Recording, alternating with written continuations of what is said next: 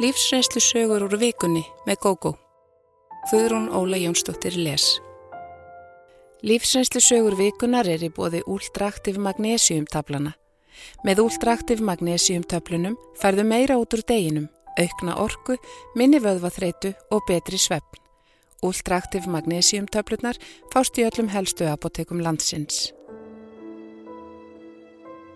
Þessi draumur er fyrir elgósi. Ég er alin upp á freka litlum stað út á landi. Pappi var læknir þar og við byggum í læknisýbúða sjúkrahúsinu. Í þessari frásögn er bæði aðstæðum og nöfnum breytt án þess að sagan sjálf breytist við það.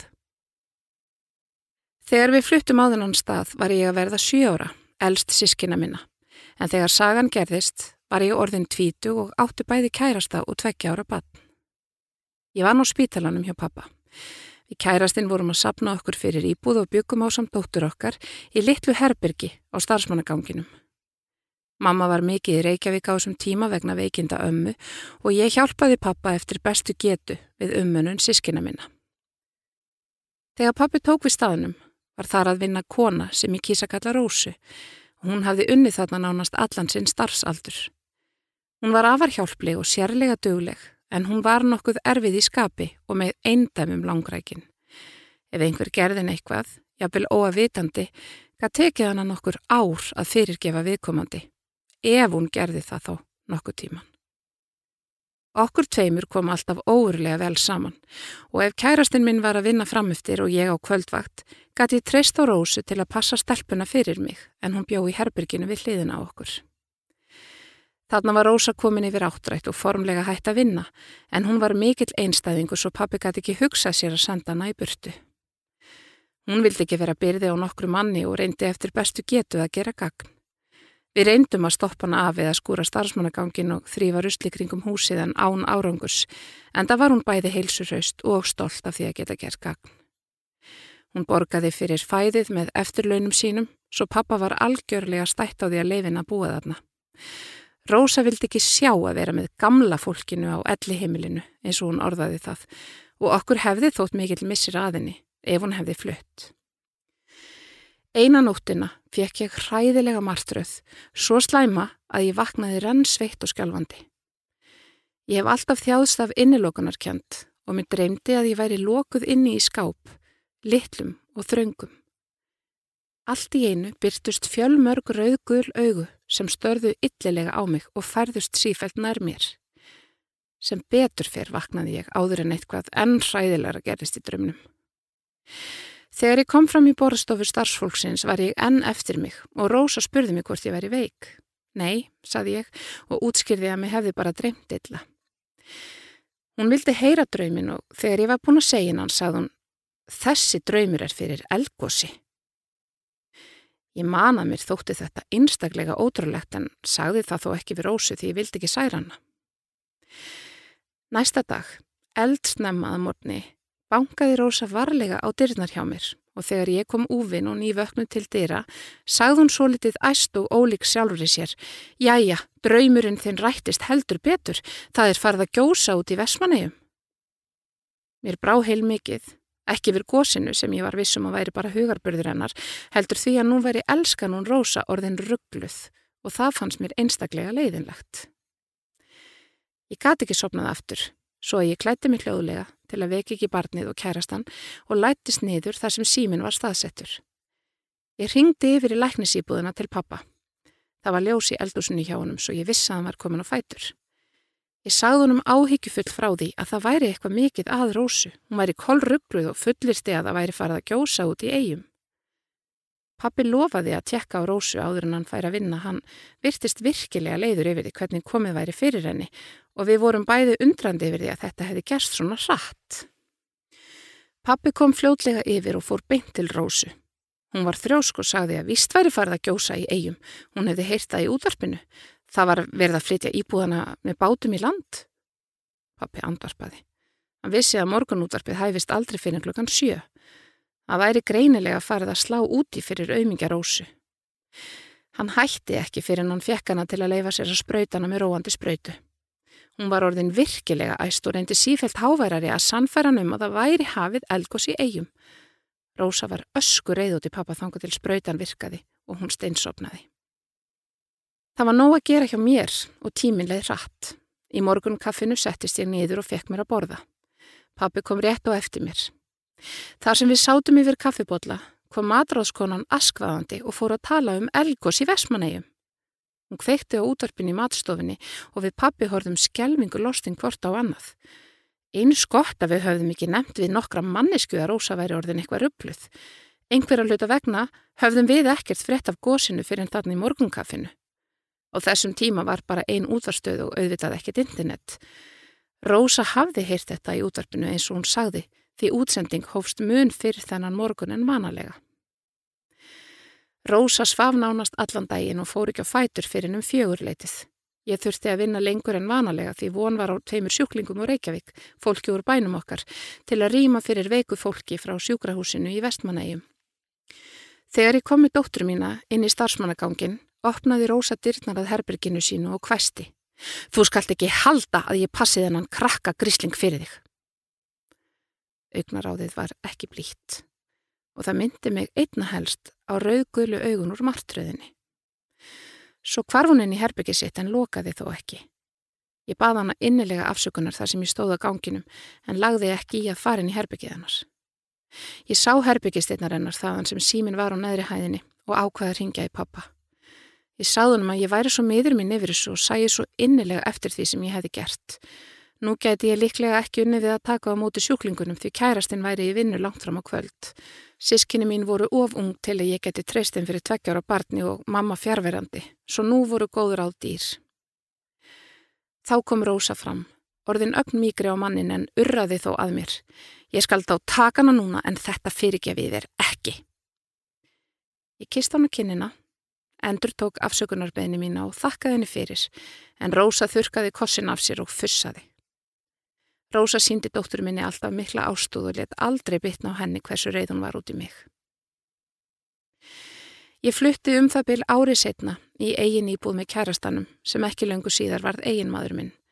Honum hafði bóðist fín vinna nánast hinum eigin á landinu og þar ákvöðum við að setja stað að minnsta kosti í nokkur ár. Okkur leið sérstaklega vel á þessum stað en maðurinn minn vann mjög mikið og var nokkuð oftað heiman og þá stundum í nokkra daga í einu. Annað barn okkar var komið í heimin og ég var einn heima með dætrunum þegar mér dreymdi setni eldgóðströyminn. Draumurinn var nánast alveg einsóks á fyrri, nema mér fannst ég hristast og skjálfa í litla skápnum sem ég var lokuð inn í. Augun sem störðu á mig voru svo ókveikjandi að mér tókst að rýfa mig út úr martröðinni og setjast upp í rúminu.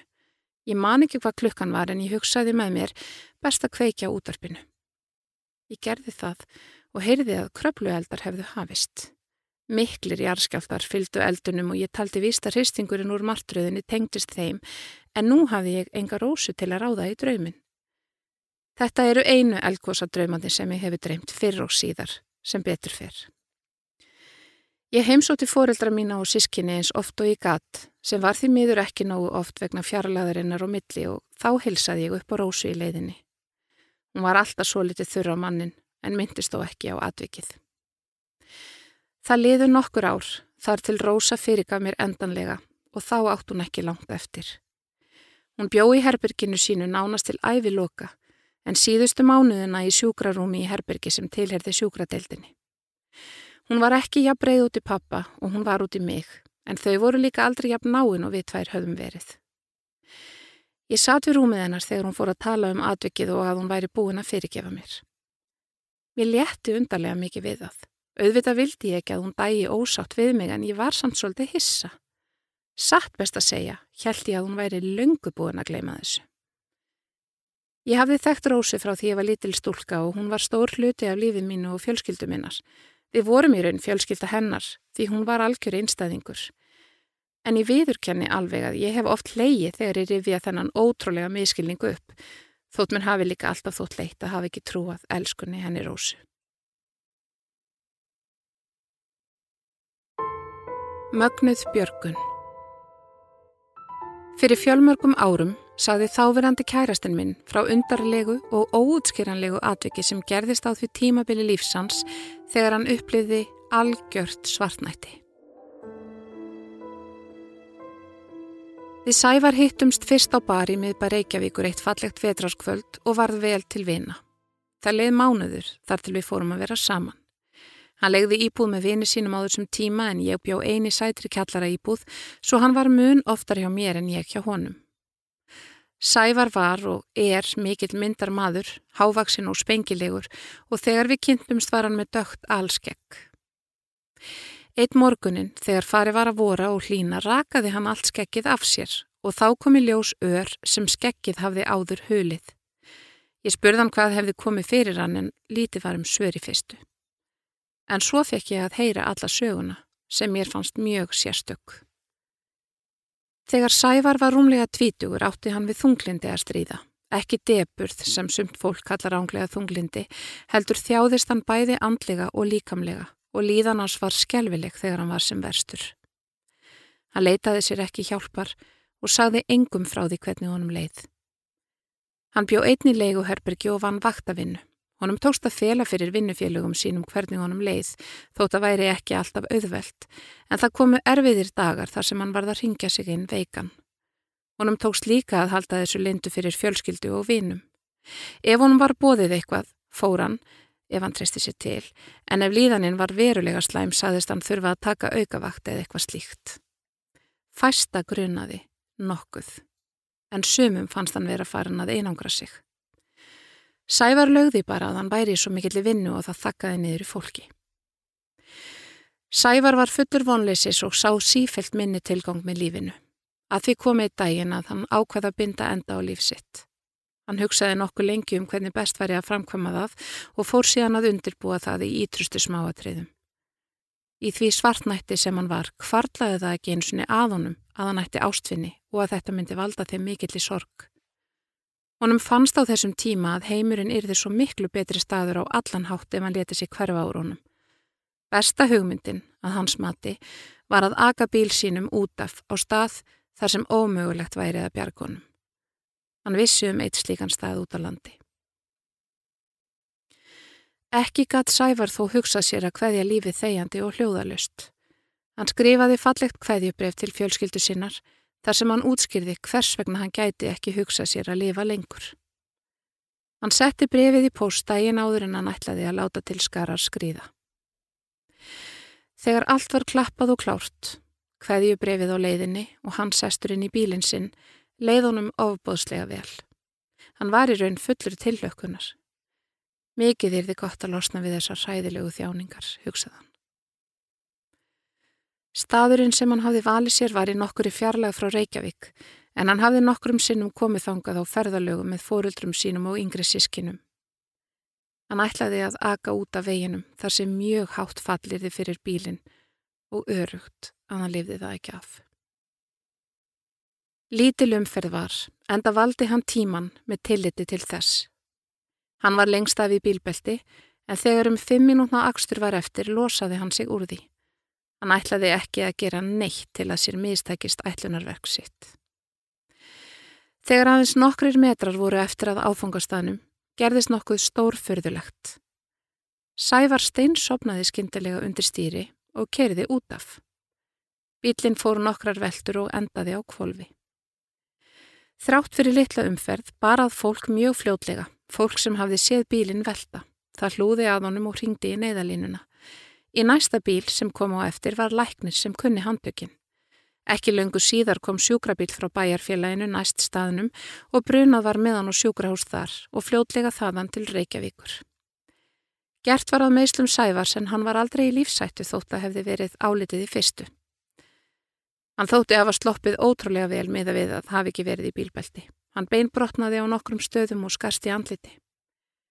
Fjölskyldur Sæfars barst hveðjubrefið í posti og móðir hans sem lasta fyrst fekk algjört áfall. Henni fannst hún hafa heimt svonsinn á nýjan leikur helju þegar hún áttaði sig almennilega á innihaldi brefsins. Í brefinu hafði hann sagt henni og fjölskyldunni allt um líðan sína undanfarna mánuði og að hann sæi engan tilgang með því að lifa Best væri fyrir alla aðila að hann hyrfi á braut. Fjölskyldan kom brefinu til lækna hans og allt var sett í gang til að lækna andlegu hliðina líka. Sævar sagði að mjög vel hefði verið hlúðað honum á sjúkrahúsinu, Mikill stuðningur frá ástfinnum hjálpaði honum líka mikið. Hann sá mikið eftir því að hafi ekki reynd að leita sér hjálpar en sagði þó að vonleysi sem fylgdi hefði verið svo mikið að hann hefði enga trú á því að nokkur kerði sig um að hjálpa sér. Þessi Sivja sem kom yfir sæfa rétt áður en hann komst á áfangastað var ekki eðrileg, sagðan. Í raun væri óskiljanlegt hvernig maður sem var fullur af adrenalíni og einst langt frá því að vera sifjaður og hægt var hefði getað steinsopnað svona allt í einu. En þessi óvænti svefn bjargaði lífið hans. Um það verður ekki deilt. Með góðri læknisjálp og ekki síst stuðningi fjölskyldu og vina náði Sævar sér bæði andlega og líkamlega. Þegar við Sævar kynntumst voru liðin hátti tíu ár frá atvikinu. Hann hafði ekki minnst einu orði á þetta við mig og ekki einu sinni talað um bílslissið. Vissulega var hann okkur dölur í upphafið sambandsokkar og kannski hefur hann fengið nóa því að ræða þetta í þaula á sínum tíma. Það eru fordómar í gangi gagvart andlegum sjúkdómum og mögulega hefur hann óttast viðbröð mín ef hann hefði sagt mér frá öllu strax í upphafi. Ég veit þó samt að hann hefði sagt mér frá þessu með tíð og tíma en eftir að Sævar sagði mér sögu sína var eins og losnað hefði um stíplu hjá honum. Hann fór að opna sig meira um þunglindi sem hrjáði hann áður og vildi meina að það væri einn hættulegasti sjúkdómur sem fólk geti fengið ef það leitaði sér ekki hjálpar. Mjög litlu munaði að honum tækist að svifta sig lífi en sem betur fer kom eitthvað hvað sem það var í vekk fyrir það. Sævar trúir ekki á neitt yfir náttúrulegt frekar en ég en móður Sævars hefur alltaf haldið því fram að verndarengil hafi gripið inni og bjargað honum. Ég kynntist þeirri góðu konu ekki fyrir en skömmu eftir að Sævar sagði mér frá öllu saman. Hún hefur líka alltaf sagt að einhver alveg sérstakur tilgangur væri með því að lífi hans hefði verið bjargað á þennan ótrúlega hátt. Sævar sagði eitt sinni gríni við mömmu sína þegar hún var að tala um þetta að hann væri nú ekki alveg nógu merkilegur til þess að æðri máttarvöld hefðu gripið inn í. Móður hann sagði þá að öll mannslíf væri jafn dýrmætt. Mikið var í samálenni þar. Samband okkar Sæfars varði í rúm tvö ár og við hættum saman í mestu vináttu. Mér bauðist ótrúlega spennandi starfi útlöndum og hann vildi ekki koma með, enda sjálfur í góðu starfi sem hann vildi ekki sleppa. Hvorugt okkar hafði áhuga á fjarsambandi svo þessu var sjálf hætt. Hann er í dag giftur góðri konu og tvær indislegar dætur. Ég rekst undum á hann á förnum vegi og við spjöllum þá yðurlega saman ef tími gefst til. Mér þykir alltaf vænt um Sæfar og finnst heimurinn svo miklu betri með honum innan borðs. Besta ákverðinin Ég bjóði Reykjavík fyrstu 33 ár æfi minnar og giftist manni sem einning er af höfuborgarsvæðinu. Við hrunið breytust aðstæður okkar mjög til hins verra og þegar okkur fannst allt komið í hnút, tókum við ákverðun sem við höfum ekki séð eftir. Maðurinn minn var í góðu starfi en smám saman tók að halla undan fæti hjá fyrirtækinu sem hann vann hjá og eitt góðan veðurdag var honum sagt upp á samt nokkrum öðrum. Honum gekk mjög illa að fá nýtt starf eins og svo mörgum og ég varð eina fyrirvinnan um hríð. Sónur okkar var nýbyrjaður í skóla og dótturinn var í leikskóla. Við dróðum saman seglin og gátum staðið við allar skuldbindingar okkar lengi vel. Maðurinn minn sá um heimilið af miklu myndarskap og reyndist vera mun betri kokkur en nokkur hafði grunað. Fram að því hafði ég séðum að elda en annars skiptum við heimilisverkunum mjög jamt á millokkar. Hann hefur oft sagt að það að missa vinnuna hefði verið láni í óláni því ekki hefði hann grunað hver gaman værið að búa til mat. Ég held að ég væri örug í starfi mínu en rúmu ári eftir að maðurinn minn misti sína vinnu fór ég að óttast að mér eði sagt upp. Mart var gert til að spara í vinnunum minni meðal annars hættum við að fá ókipis hátegisverð en árum saman hafði indisleg eldri kona séð um súpur, smáritti og salatbar í bóði fyrirtækisins. Hún vann við þrifin líka og hjælt því áfram svo hún varð sem betur fyrir ekki atvinnulegs þótt hún hætti að búa til mat. Framkvæmdastjórin, kona á miðjum aldri, útskýði allt vel fyrir okkur og sagði að allra leiða yrði leitað svo ekki þyrti að segja upp fólki. Um mitt ár 2009 bauðs mér á samt fleirum að minga starfslutvall mitt. Ég mátti ráða því hvort ég mætti fjóra dagavikunar eða inni stittri vinnudag alla fimm dagana. Ég valdi auka frídag og sá ekki eftir því. Fljótlega eftir það spurði maðurinn minn hvort við ættum ekki að leita fyrir okkur út á landi með vinnu og húsnæði. Ég tók vel í þessa hugmynd. Við áttum sífelt erfiðara með að standa í skilum og þótt ég hefði ekki mikla vonum að við getum hafi nýtt líf annar staðar, fyldist ég spennt með eiginmanninum sem heldi sér á fullum krafti í leitina. Eitt daginn, þegar ég kom heim úr vinnunni, beði mér nýbökuð kaka á eldursporðinu og skælbrósandi eiginmaður. Hann hafði fengið tilbóðum fínasta starf á litlum stað á landsbyðinni. Hún var sagt að ég geti ábyggilega fengið vinnuða líka og okkur stóð til bóða að leia einbillishús á fáránlega lágu verði með að við hvað leiguhúsnaði kostar á höfuborgarsvæðinu. Húsi væri til sölu þannig að ef okkur líkaði vera nýði gætum við auðvita kifta. Ég fann nánast fyrir létti þegar ég saði starfi mínu lausu og það var ábyggilega gagkvæmt. Allt er góðu þó. Engin var ráðin í minn stað eins og ég vissi. Við settum allt í fullan gang og byrjuðum að pakka niður. Við ákvaðum að leia út íbúðan okkar því húsnæðislánið hafði hækkað svo mikið og íbúða verið lækkað. Ekki grunaði okkur að láni myndi hækka enn meira eða langt umfram verð íbúðarinnar. En á þessum tímapunkti vildum við ekki fara slipp og snauð út úr sölu og gefa þannig eftir æfisbarnaðin okkar. Mögulega raung ákverðun en við eigum enn íbúðina að nafninu til og leigan dekkar húsnæðislánið. Það reyndist okkur ótrúlega auðvelt að flytja en erfitt var þó að hverja vini og ættingja. Það var ekki eins og ég væri að fara á landi en samt vissi ég að lífið yrði ekki samt. Þetta var stór og mikil ákverðun fyrir okkur borgarbörnin. En þetta var ævintýri og ég hlakkaði mikið til að hefja nýtt og vonandi betra líf. Ég þurfti engu að kvíða. Okkur var vel tekið á nýja staðnum. Ég egnaðist fljótlega góða vinkonu í næsta húsi en hún og maður hennar höfðu búið á þessum stað alla tíð. Það var mjög gott að eignast innfætta vinkonu því hún hjálpaði okkur að komast inn í allt mun hraðar en ella. Hún vann úti halvan daginn en ég vann ekkert fyrstu mánuðina á meðan við vorum að koma okkur fyrir. Það var mikil breyting og við höfðum það fínt. Börnin virtust allsæl og voru ekki lengi að eignast vini. Það var svo sem ekki hægt að velja úr vinnuðarna fyrir mig en að lokum fekk ég ágætt starf þar sem bæði reynsla mín og mentun fekk noti sín en það var reynda tímabundi sem hendaði mér vel því að við ætluðum að stækka fjölskylduna. Þriðja barnið okkar kom í heiminn á fallegum sumar degi, rúmum tveimur árum eftir að við fluttum úr bænum. Það var svo liti skrítið að þurfa að fara langar leiðir í annað bæjarfélagi í mæraskoðun, en það vandist. Ég ákvar reyndar að fæða barnið í Reykjavík. Fæðingin gekkað óskum og við stoppuðum í rúma viku í bænum eftir að barnið kom í heiminn.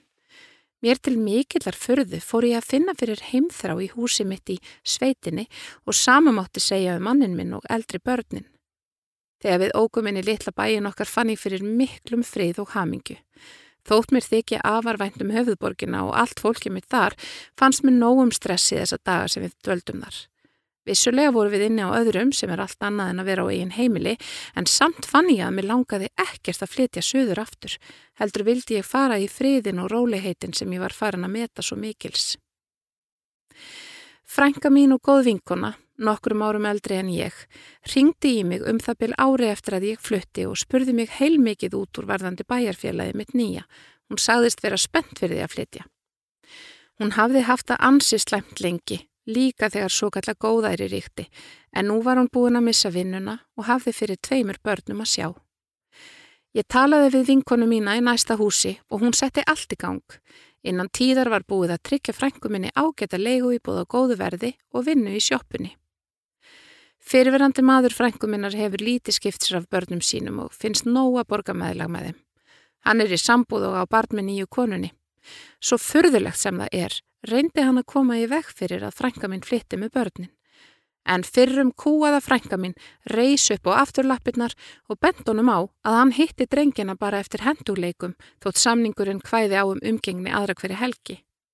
Hún væri ákveðin í því að hefja nýtt og betra líf þar sem hún geti veitt börnunu meira en áður.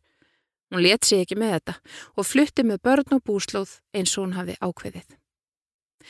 Eldri strákurinn hennar, 12 ára, hafði verið í vafasömmum félagskap í bænum en blómstræði hér í nýjum og betri vinahópi. Sá yngri aðlagaðist líka hratt og vel. Annað gott sem gerðist við flutningana var að samband bræðrana við föður þeirra var betra. Loks komst einhver regla á samskiptin og einu sinni í mánuði fóruður yfir helgi í heimsóktir pappasins. Þessi reglufesta var góð fyrir strákana og þeir hlökkuðu alltaf mikið til að hitta pappasinn og ekki síður að verja með honum góðum tíma á sumrin, hvar sem það var vika eða þrjárvikur. Frænka mín hafði á sínum tíma, eða áður en hún flutti úr borginni, bóðist til að borga helmingina fargjaldi drengjana. En pappið þeirra var nógu mikill maður til að þykja það ekki, enda svo sem er þreföld eða fjórföld laun á við hana. Frænka mín var reyndar ekki lengi einhleip og býr með indælu manni hérðan af staðnum. Hann er mjög góður við strákan hennar og þeir eru ánaðir með stjúpan. Þetta var hár rétt ákverðin sem frænka mín tók að flytingað og ekki síður gott fyrir okkur að fá hann ingað. Vissulega hefur fluttingað fólk sem næri ekki sambandi við staðin og er farið tilbaka innan tíðar. Hvort að gerði sér ofmiklar væntingar eða að róligheitin hafi verið of mikil hérna veit ég ekki, en bæði við fjölskyldan og hún frænka mín gerðum hár rétt með því að flytingað. Það er eins og kreppan hafi ekki náð hingað í sama mæli og í bænum. Við gerum vissulega minni kröfur hér og sættum okkur við að hafa ekkert kvikmyndahús eða fínt kaffihús, við horfum á sjónvarpið á kvöldin eða röpum saman, lesum eða heimsækjum vini. Svo er við duglega að fara í gunguferðir og njóta náttúrufegurðarinnar. Nú höfum við búið hér í nokkur ár og erum allsæl, enn í sama húsinu sem við höfum þó ekki keift. Lánið hækkar enn á íbúðin okkar í bænum en okkur teksta haldinu með því að leia hann út. Mér langar ekkert að flytja aftur í höfuborgina en hef þó ekki loka neinum dyrum að því. Hver veit þó hvað gerist þegar börnin stálpast? Reyndar er ágættur framhaldsskóli í næsta bæjarfélagi svo það ætti ekki að verða neitt vandamál. Við lifum mannsamöndi lífi í friðsælum bæ, eigum góða vini hér og þótt í sakni vinkvenna minna í bænum þarf ekki annað en að spjalla við þar á Skype eða Facebook til að söknuðurinn hverfi. Það að flytingað er líklega besta ákverðun sem við hefðum geta tekið.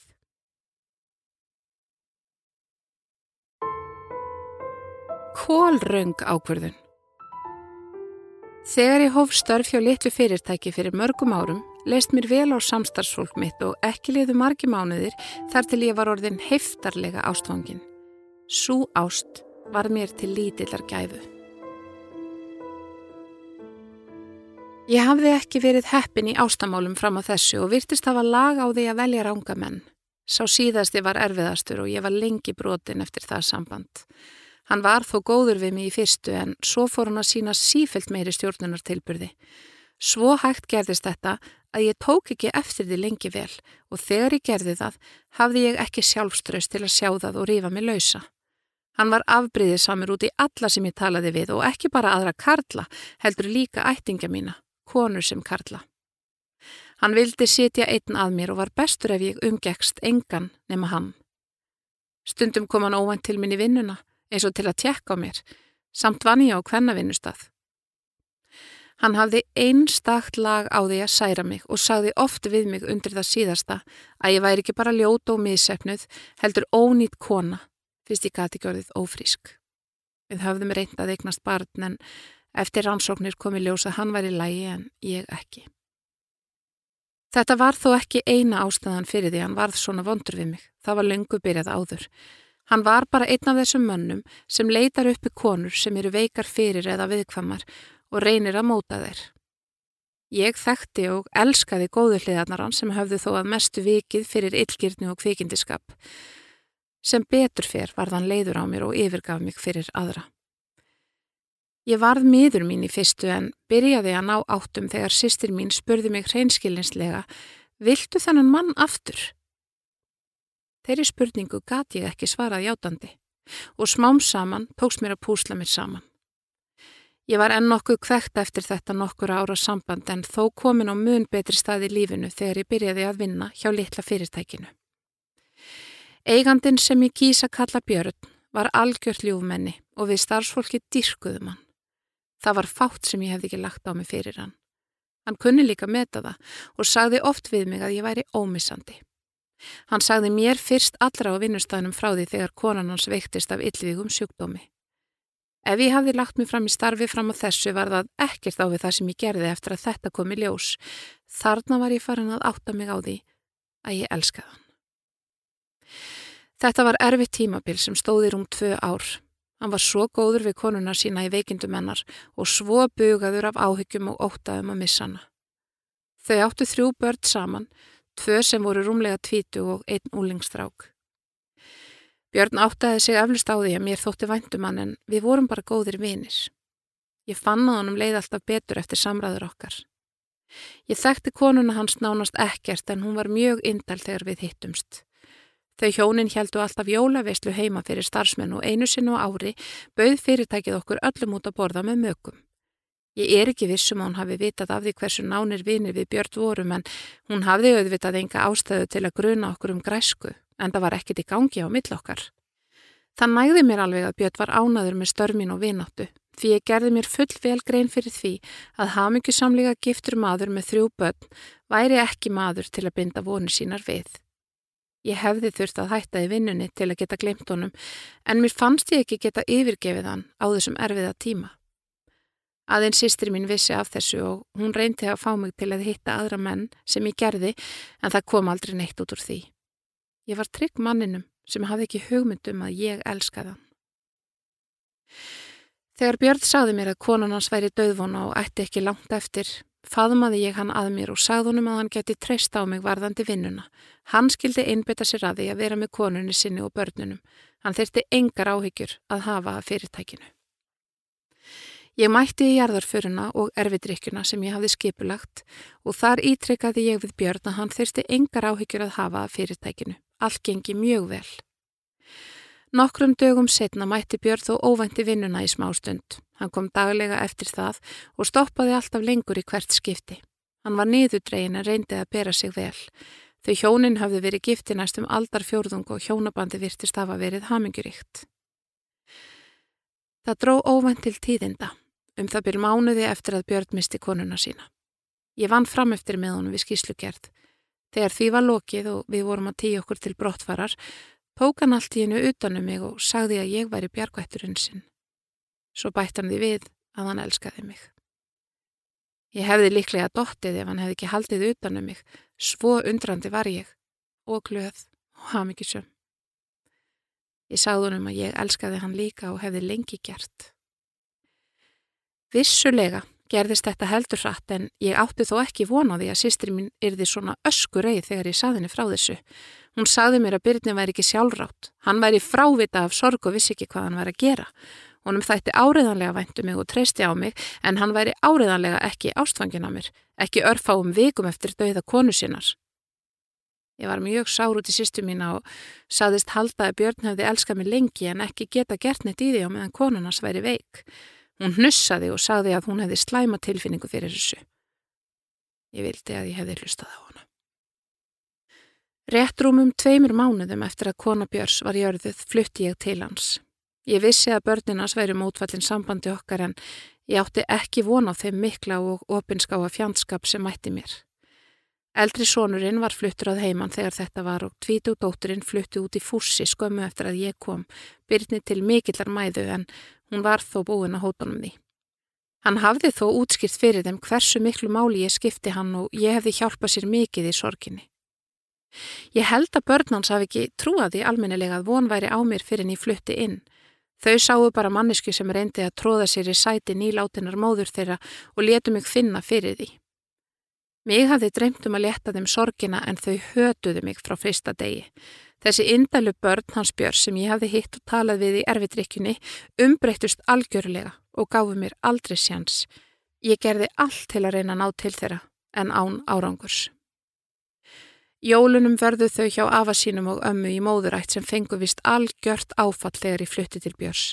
Fóreldra Björns lítu mig heldur ekki réttu auga og buðu mér ekki í árlegt jólabúða sitt. Það særði mig mikið þegar Björn fór í bóðið án mín en ég leti ekki hann einu bera. Ég var vissum að tíminn inni með okkur og allt er þið gott. Á gamláskvöld bar ég fram stórkostlega máltið fyrir fjölskylduna en engin mætti og úlingurinn á heimilinu lokaði sig inn í herbygginu sínu. Auðvita gróf þetta allt saman á endanum undan sambandi okkar björs. Við reyndum okkar besta en eftir tveggja ára sambúð flutti ég út og hætti á sama tíma að vinna fyrir hann. Börnin hann sættu sig aldrei við mig og hann var alltaf á millist eins og sleggju. Allar tilrunir mínar til að láta þetta ganga upp misefniðust. Það var ekki fyrir en ég hafði öðlast fjarlagð á þetta sem ég áttaði mig á því að sambandið hefði geta gengið upp ef við björn hefðum leftið að þróast. Ef við hefðum bara beðið í nokkur ár hefðum við náða byggja upp samband. Björn var vissulega í leitað hugun og það er ekki góð undirstaða. Mörg ár eru liðin og ég finn enn fyrir trega þegar ég hugsun um björn besta mann sem ég hef kynst. Ég ber engan kala til batnan hans. Eftir að ég setti mig í þeirra spór skilji að það hlýtur að hafa verið óbærilegt fyrir þau þegar önnur kona tók sæti nýlátinar móður þeirra eins og ekkert hefði í skorist. Ástinn byrði mér algjörlega sín á þessum tíma og ég held í fúlustu alvöru að með umhyggjuminni tækist mér að hjálpa börnunum í gegnum þennan erfiða tíma. Mér skjáttlaðist og byrni líka sem baði mig um að flytja inn á heimilið. Í dag á ég góðan vinn sem ég hitti reglulega. Við viljum bæði fara rólega í málinu og ekki anað en einu.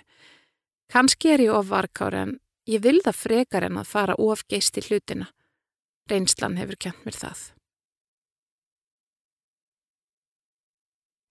Furðuleg heimsókn Bróður minn er tvígiftur og misti setni konu sína fyrir nokkrum árum. Dægin eftir jarðarföruna fekk hann óvænta heimsókn frá mannisku sem gerði honum afskaplega undarlegt tilbúð, svo vægt sé til orða tekið.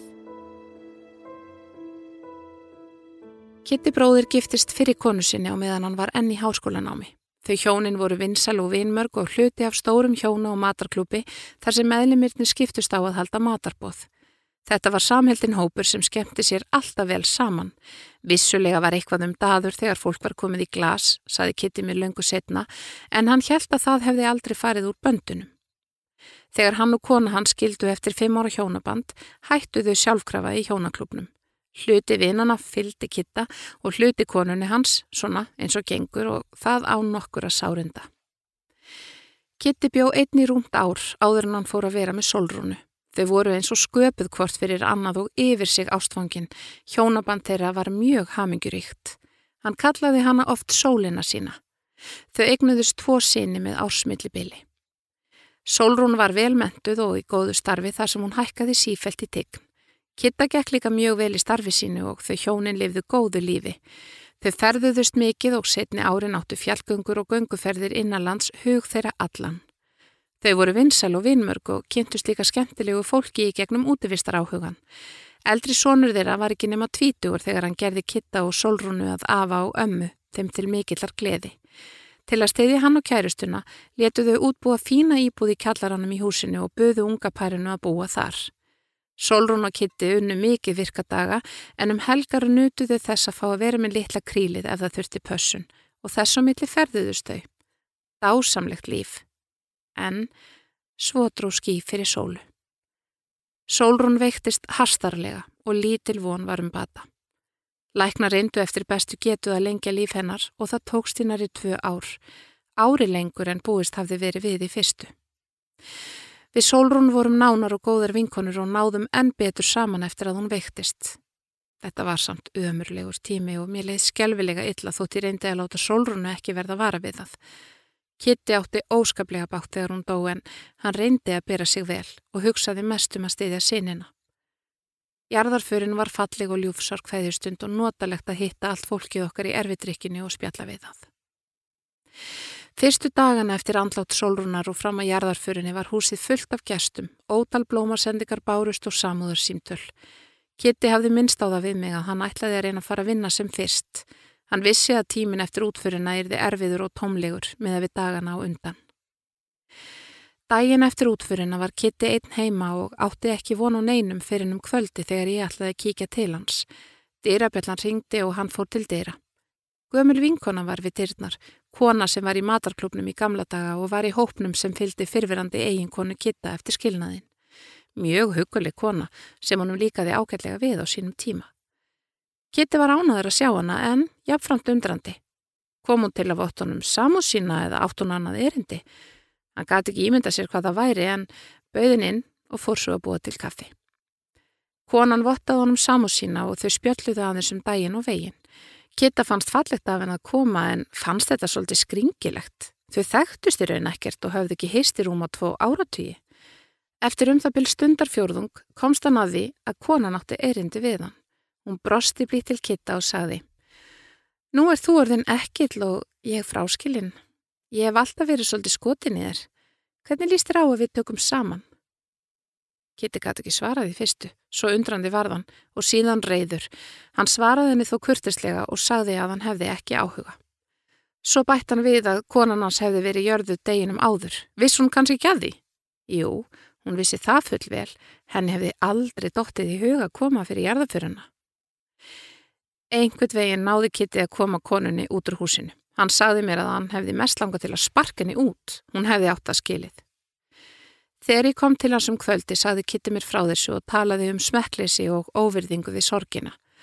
Á meðan hann sagði mér frá heimsókninni var eins og hann sæi allt í hennu fáránleikan við þetta og áður en við vissum af veltumst við um af hlátri.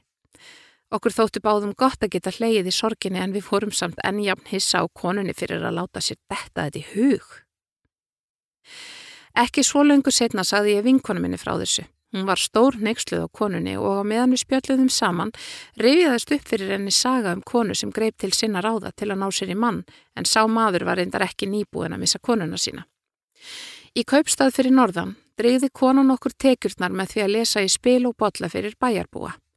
Eitt daginn kom til hennar myndar maður og vildi fá spátum hjá henni. Hún spáði honum eflaust bjartri og góðri framtíð því hann fór gladur og sáttur frá henni. Í dyrunum mætti hann færtur í dóttur spákonunnar en hann var á svipuðum aldrei sjálfur. Þau hilsuðust og brostu hvort til annars.